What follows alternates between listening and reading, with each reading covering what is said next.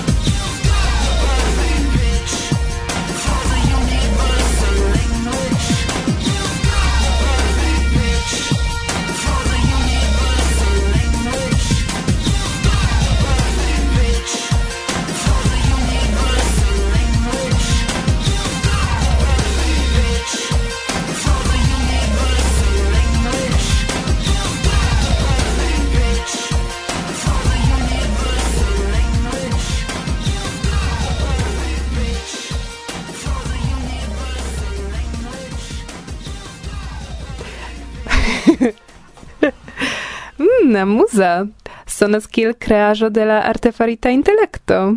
Kio estas tio? Komponazo de unu el la membroi de la musica gruppo Kraftwerk. Ĉu? Yes, musico antau tridec iaroi. Ne existis tiam AI, almenau en tiu formo, kiun nun ni conas. Kraftwerk? Mm, yes, estas io en tio, Mm, iom sonas tiel. No, mi sias, ke vi shatas Kraftwerk. Kompreneble. Florian, Ralf, Klaus kaj Andreas. Mm, moja suloj. Mia juneco.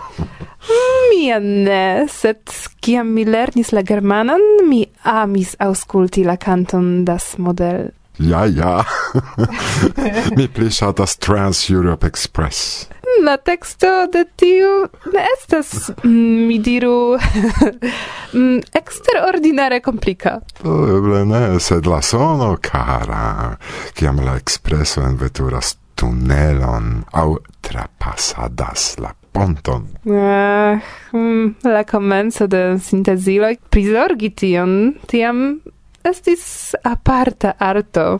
Kaj ne artefarita. Parte. Imago Kraftwerk dum la jes. Ho, tiam mi ĵetus ĉion por ĉeesti la koncerton. Mm, ankaŭ mi. Malantaŭ ni. Per unu horero Agnieszka Rudzia. Mm, ne nur per unu, sed verdire Nun mi ordigas miajn notojn pri la decembra kaj januara monatoj. Mm, pri du vi parolos? Yes, ĉar januare la elsendo estis pri la jes. Ah, fakte. Do, se jam vi scias, kiu malantaŭ niaj dorsoj, eble prezentu ni ankaŭ nin? Mm, do, antaŭ mikrofonoj de Varsovia Vento. La provizora studio, compreneble. La Varsovia. La Varsovia. Irek. Kaj Gosia. Mi. Yes, vi.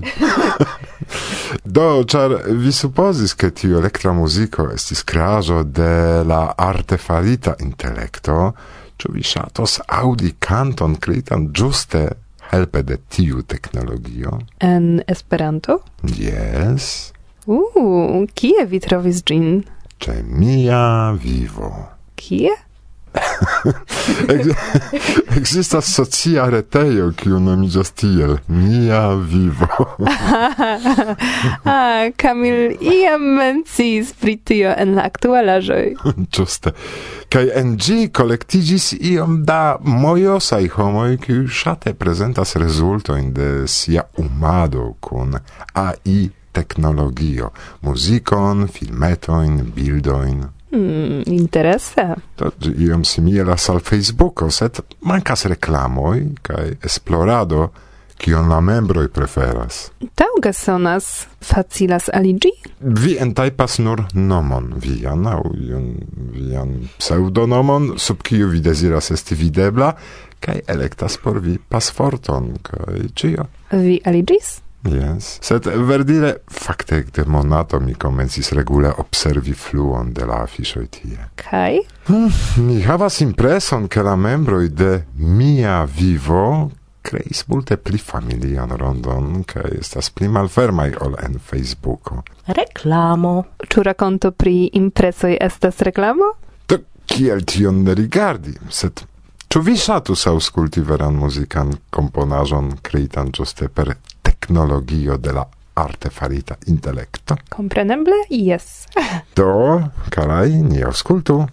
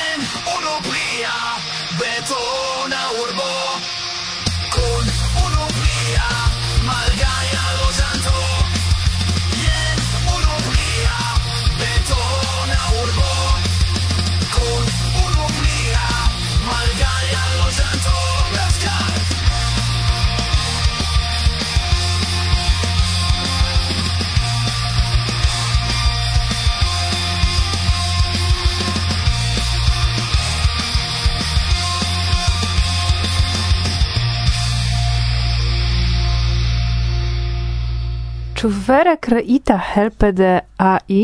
Yes. De Johano Joe, kiun aparte mi salutas. Nekredeble. Sonas mojose kaj tute nature. Ĉu? Mi ordigis jam miajn notojn kaj mi pretas. Do antaŭ ol vi ĉi tie por prezenti monaton, eble ni startu la programon. Prave. Ekdo. Ek. Ek, ek, ek. el la mondo venis nova sento Bla Lanso via vento Bla bla Eventa servo estas evento diskoniga reteo. Vi povas do diskonigi informoin pri viaj eventoj per gi. Povas temi pri grava evento kiel la uko aŭ la ioko, sed ankaŭ pri lokaj kunvenoj kaj retaj kunvenoj. Fine de la jaro 2023, la teamo de eventa servo aldonis novan funkcion al la ek Ekde nun eblas aldoni ligiloin al raportoi. Ni longe discutis kiel fari tion praktike, Ĉu homoj rajtas alŝuti fotojn kaj raportojn al la reteo de Eventa Servo aŭ ne? Sed finfine ni decidis nur ligi al eksteraj fontoj. Do, Ni ekzemple ebligas ligi al raporto kiu aperas en la reteo de la Ondo de Esperanto, al komunaj fotaroj. ekzemple ni aldonis fotojn de la Yes kaj de la Noro. Ankaŭ Estas pli kaj pli da homoj kiuj kreas filmetojn kiel Laura Brazabeni. Ŝi kreis filmeton pri la Bialystokaj Zamenhof tagoj. Tiajn ligilojn vi povas ekde novembro 2023 aldoni al la retejo. Mi aldonis kelkajn ekzemplajn raportojn, se vi iras al la retejo eventaservo.org kaj alklakas raportojn vi vidas che estas tuta listo de exemplai raportoi, kai vi povas do aldoni vian propran.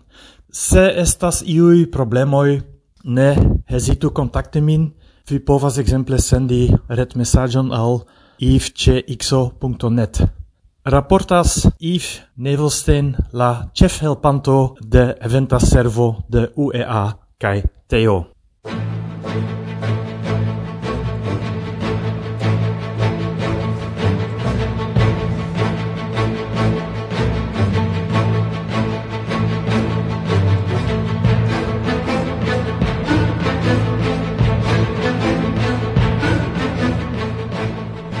lunde inter la dudeca cae dudec unua horoi, lau la mes Europa tempo la loca Franza radio elsendo Canal Sud Fomo en Toulouse elsendas informan programon en Esperanto cele interesigi pri la lingvo internacia la loĝantaron de la urbo kaj ĉirkaŭaĵo.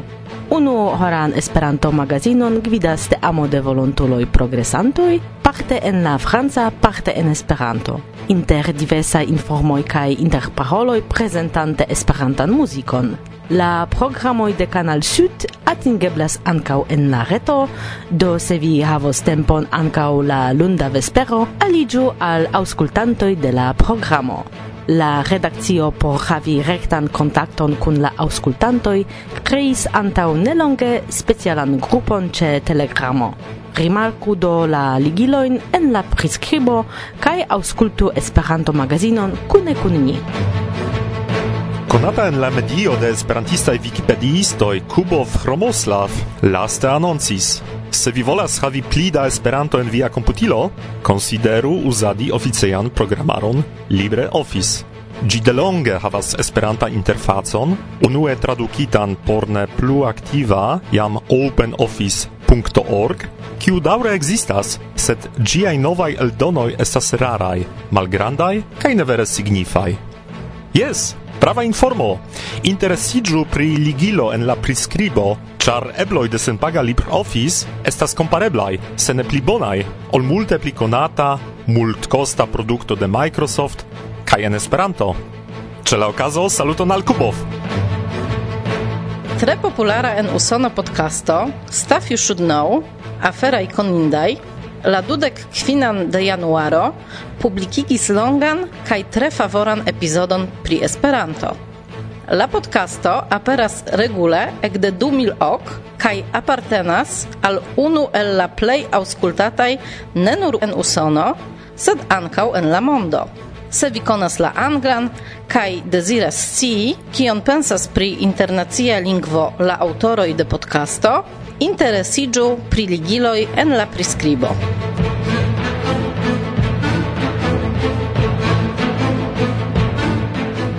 Post prezentado de Lars pri Bemi en la pasinta elsendo, aliĝas al aktualaĵoj ankaŭ temo por tiuj, kiuj ŝatas kune bicikli. En konata inter multaj eventa servo, sub subpaĝo de Bemi kiel organizo, vi trovos liston de diversaj eventoj. Menci indas du relative proximai bemi semainoi, la unua en aprilo en Castello Gresiliono, Francujo, kaj la dua en junio en Pobirovo, Pollando, ĉe la Balta Maro. Krome planataj estas diversaj ekskursoj, inter ili unutagaj facilaj bicikladoj, en kiuj ĉiu povas partopreni. Inter pluraj bemi eventoj sekvos ankaŭ karavano en Afriko, el Nairobi, Kenio, alla Universala Congresso en Arusho, Tanzanio. Se vi ŝatas kune bicikli en etoso de la lingvo internacia, necesajn ligilojn vi trovos en la priskribo. Inter la kvina kaj sepa de aprilo la ĉiujara printempa Esperanto-renkontiĝo okazos en Bela Elk, Norda Karolino. Tie oni spertos ekskursojn, instruon kaj amikecon tute en Esperanto. Anoj de Esperanto a ricevos rabaton. Pli da informoj serĉu en la ligilo. Kaj ĉu vi scias ke elk ankaŭ estas en Pollando? Se vi ne kredas, serĉu en interreto. Informo sendube tauga por ciui kiu shatas spekti animaciajn filmetojn. Ekde la deksesa de februaro en retejo Esperantaĵo, kies ligilon vi trovos en la priskribo, spekteblas kaj elŝuteblas tri epizodojn de Scooby-Doo, Kompanio Mistero. Aldone al la tradiciaj misteroj, kiujn ĉiam solvas la teamo, ili ekmalkovras obskuran sekreton, kiu estas kaŝita en la pasinteco de kristalo golfeto. En la retejo vi trovos ankaŭ mangaojn, aliajn filmetojn, bit kaj sonlibrojn. Scooby-Doo, se vi ŝatas, ne prespektu.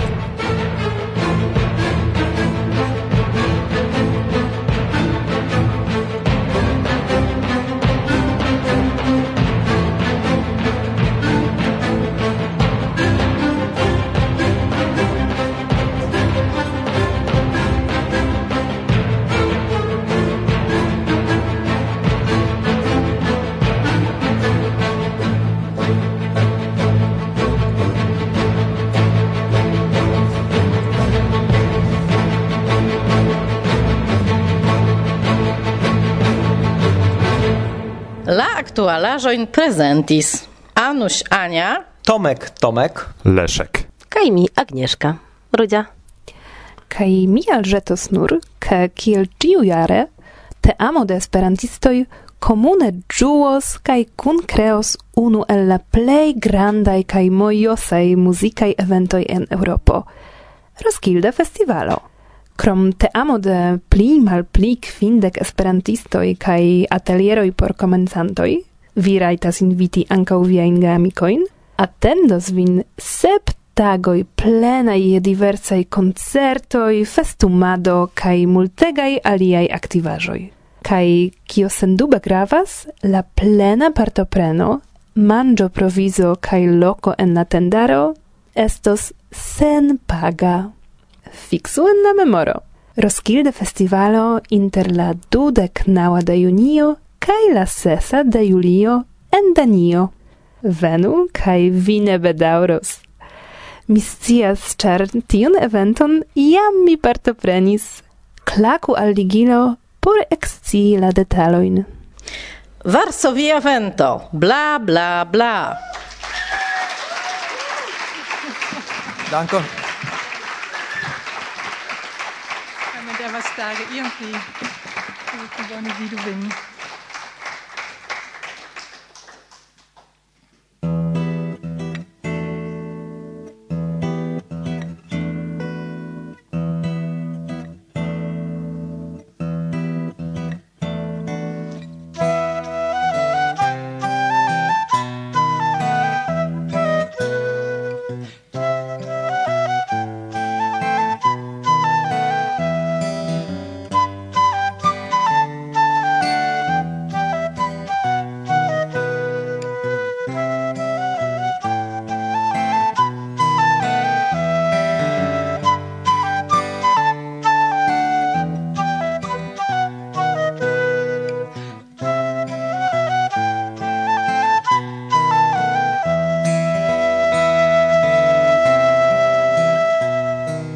Danzas la vento, curas torrento, kiel printempa ludo de am. Granda ondego saltas en rego, gis en la mar finigios la dram. Plendu la corno, plendu en shock, velcas la tonoi contra la roc. Post la funebro, restos la febro, dauros la tendar. Plendu la corno, plendu en shock, velcas la tonoi contra la roc. Daŭros la funebro, restos la febro, dauros la atendado.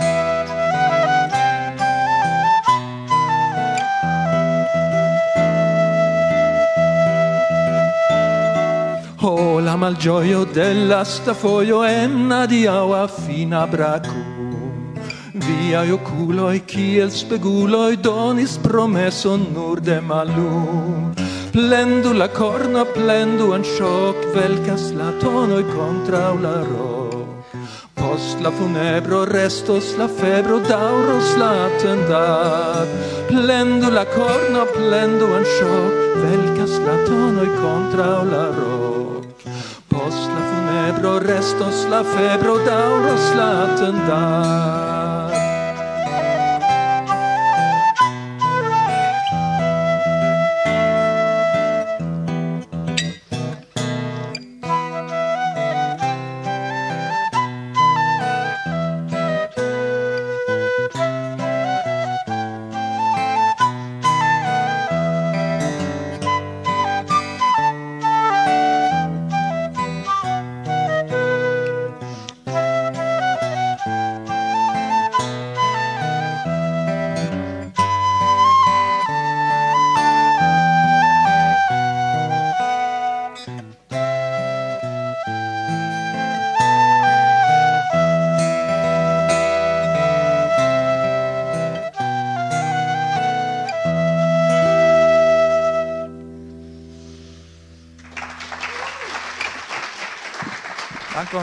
Varsovia Vento en la Varsovia provizora studio kaj antaŭ mikrofono Fabio Fortes el Brazilo.